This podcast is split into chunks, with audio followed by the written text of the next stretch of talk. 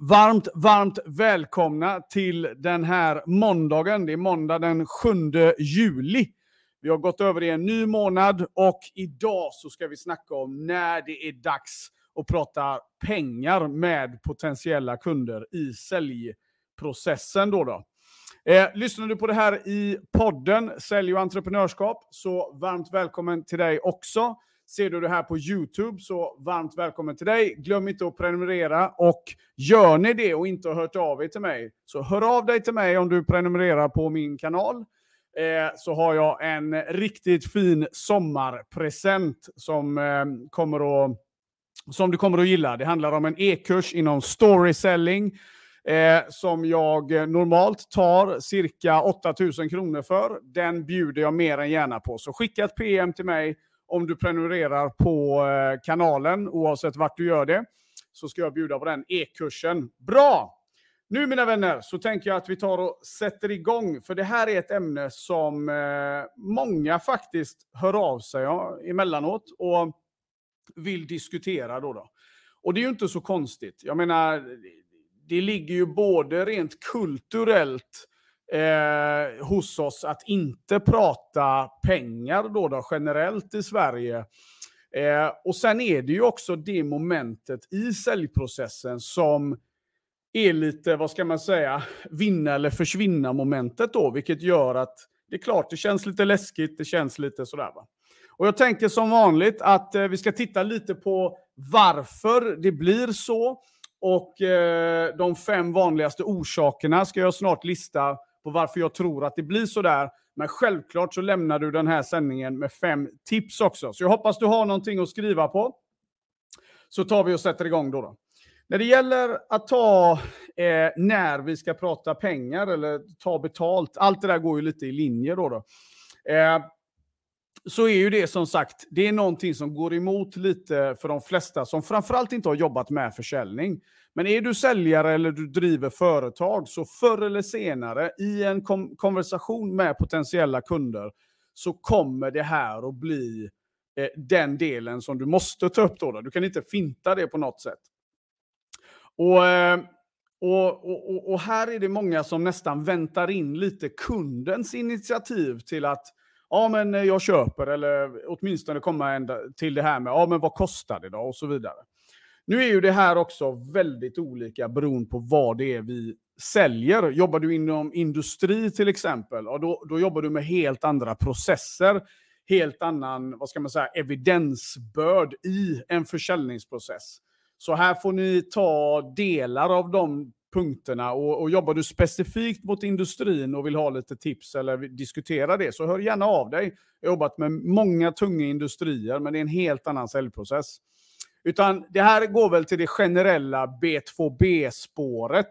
Tjänster, produkter inom en range mellan någonstans mellan 20 000 investering upp till en halv miljon investering. Det är ungefär där jag skulle säga att de här fem punkterna skulle passa in då. då. Eh, och då är det ju så att varför är det så himla svårt? Ja, men nummer ett då, då, så ofta är det ju så här att det handlar om förberedelserna. Alltså, ett moment i säljcykeln är sällan isolerat. Jag säger det en gång till. Ett moment i säljcykeln är sällan isolerat, utan allting hänger ju liksom ihop och skapar en dominoeffekt, antingen till det positiva eller till det negativa. Eh, de här punkterna är inte i någon speciell ordning, utan du bara får dem rakt upp och ner. Nummer ett skulle jag säga är, är dålig förberedelse. Och varför det hänger ihop med när vi ska prata pengar med potentiella kunder då, då det är ju att i förberedelsen så, så liksom planerar vi vår behovsanalys, vi, vi, vi gör vår research, vi ser över vår paketering. Allting ligger i vår förberedelse. Och när den inte är bra, då skapar det osäkerhet. Och osäkerhet bygger, skapar eh, dåligt självförtroende. Dåligt självförtroende gör att vi inte ber om orden eller börjar diskutera de här bitarna. Så det är en av de sakerna som vi behöver liksom titta på. Nummer två då, då, det är ett otydligt behov. Och ni som har hängt med mig ett tag är ju nästan trötta på att höra mig säga eh, hur mycket tjänst och produkt bara är din liksom, biljett in i matchen. Då, då. Utan det handlar om värdeförflyttning. Det handlar om kundens kundens värdeförflyttning gentemot din lösning eller ditt erbjudande. Då, då. Och om inte behovet, alltså om inte våran, våran behovsanalys är on point, då vet ju inte du riktigt om behovet är där eller inte. Och det här gör i sin tur att vi får, ja men igen då, då lite dåligt självförtroende, vi vågar inte riktigt börja ta upp de här sakerna. Vi är osäkra på, om jag tar upp detta nu, upplever de att värdet är där?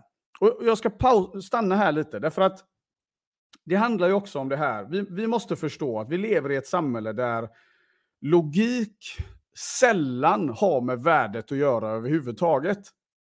Och Det räcker att vi tittar på vissa andra, andra industrier. Jag brukar ta upp klockexemplet. Eh, det finns klockor som kostar 100 000. Du, du, kan köpa en klocka för 500 kronor. Båda visar faktiskt vad klockan är.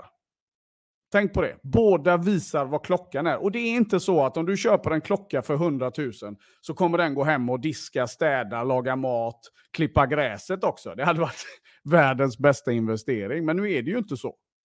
Så vad är det som gör att vi tycker att det är rimligt, att det är en klick människor där ute som tycker det är fullt rimligt att köpa en klocka för 100 000 när du kan få en för 500 spänn? Ja, men om jag förstår det, då kan jag sälja en klocka för, fem, för 100 000 kronor. Förstår jag inte det så kommer jag aldrig kunna göra det. Och det är samma sak när det gäller att kunna ta betalt ute på ett kundmöte. Då, då.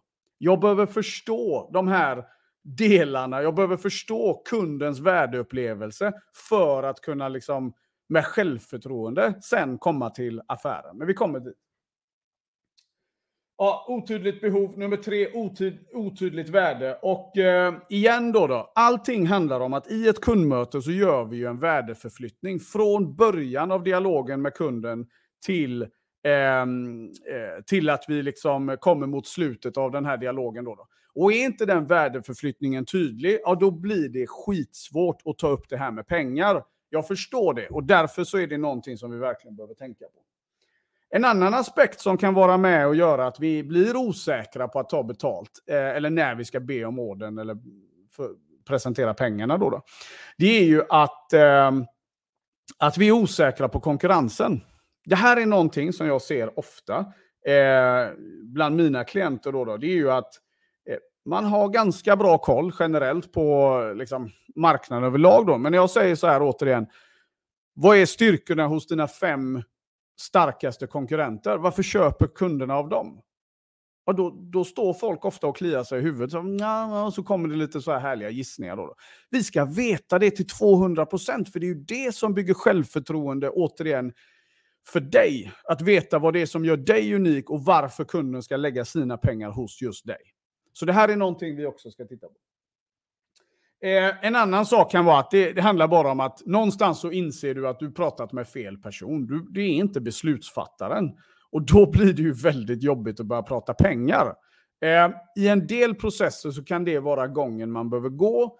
Då finns det andra sätt att, att ta sig dit. Då, då För då måste du skapa en ambassadör om det här inte är beslutsfattaren. Och så måste ni jobba tillsammans för att nå beslutsfattaren. Men det är en annan resa.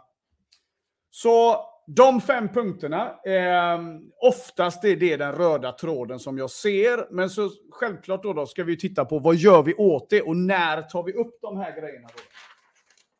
Ni som kikar på YouTube, ni ser min fina eh, whiteboard här med eh, min härliga hands... mina hieroglyfer som jag kallar handskrift. så. Eh, lösningen då, då? Ja, men nummer ett då, hoppas du har något att skriva på. Nummer ett för att veta när du ska prata pengar med potentiella kunder. Eh, det börjar inför och då tittar vi på det här. Rätt prospekt, rätt tjänst, det vill säga dina förberedelser. Eh, prospektering är jättestor del i att bli bekväm med att presentera pengarna, orden, allting. För du, du, när du vet att du pratar med rätt målgrupp som kan relatera till det värdet som du har att erbjuda. Många, många, många gånger så bygger den här osäkerheten på att vi vet egentligen inte om det här är ett prospekt som är rätt prospekt. Och det är inte så att alla är kunder som vi... Alltså, du, du vill inte ha allt och alla där ute. Du vill ha den specifika målgruppen. Precis som de som säljer klockor för 100 000. De är väl medvetna om att de ska inte pitcha detta för någon som vill köpa en klocka för 500 spänn. Och det är det här vi måste förstå. Att rätt prospekt, allting börjar med det. Och då får man titta på marknadsföringen, hur har jag fått in kunden, alla de här bitarna runt omkring för att försätta mig i den situationen. Kom ihåg, säljet börjar redan i roten. Vi måste gå till roten för att lösa det som är i andra änden. Ofta vill vi punktmarkera saker, men om prospektet är skit och vår, allt annat är det också, och paketering och ditt, det spelar ingen roll hur bra avslutsteknik du har. Avslutet börjar i börj begynnelsen av, av liksom säljprocessen. När vi förstår det, då har vi kommit jävligt långt. Nästa steg är behovsanalysen. Vi måste bli mycket bättre generellt på behovsanalys och hur vi driver behovsanalysen till en behovsmedvetenhet.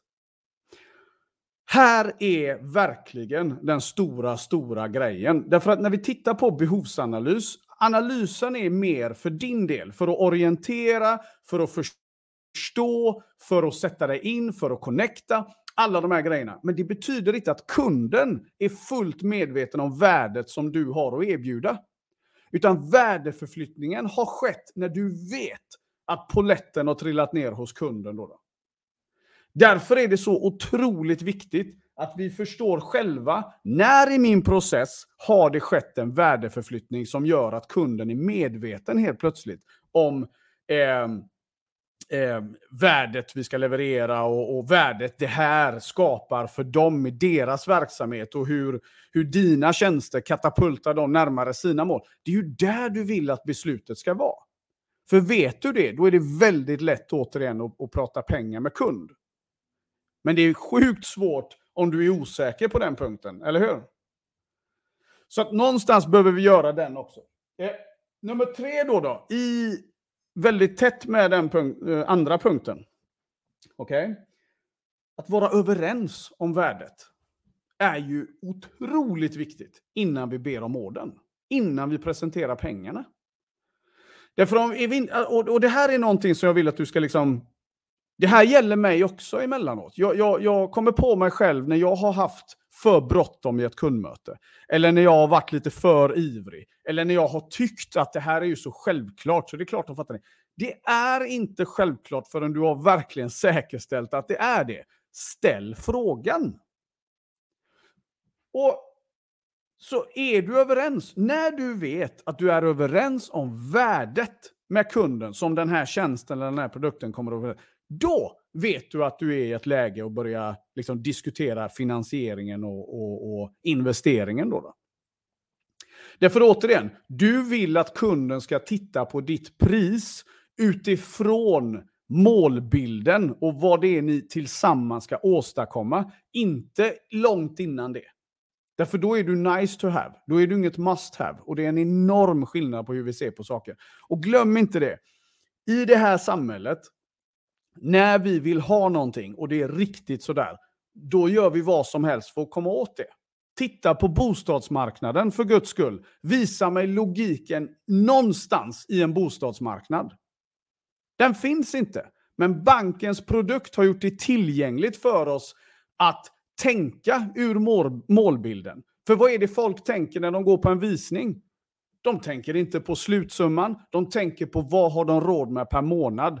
Tror ni mig inte, så gå ut och gå på några visningar och hör hur snacket går. Då. Eh, nummer fyra, kontrollera eftersäljet, eh, eftertankarna. Det här är någonting som är ganska intressant och det här, det här påminner jag mig själv om också emellanåt. Att, ja, men du vet, när köpet är gjort då, då. Det är också en sån sak att det kan också vara ett sätt för mig att titta på hela cykeln för att, vara, för att känna självförtroende och börja prata pengar. Det är också, vad händer när det är klart? Vad händer när kunden väl har sagt ja? Och börja liksom titta på, hur är ombordningen, hur är upplevelsen, hur är alla de här bitarna? Här, och det här är ju ett never-ending jobb. Men där vet jag att man kan hitta jättemycket självförtroende för att känna sig lugn i att börja prata pengar med de potentiella kunderna för att man vet att hela vägen är det en upplevelse, är det bra, är det vattentätt.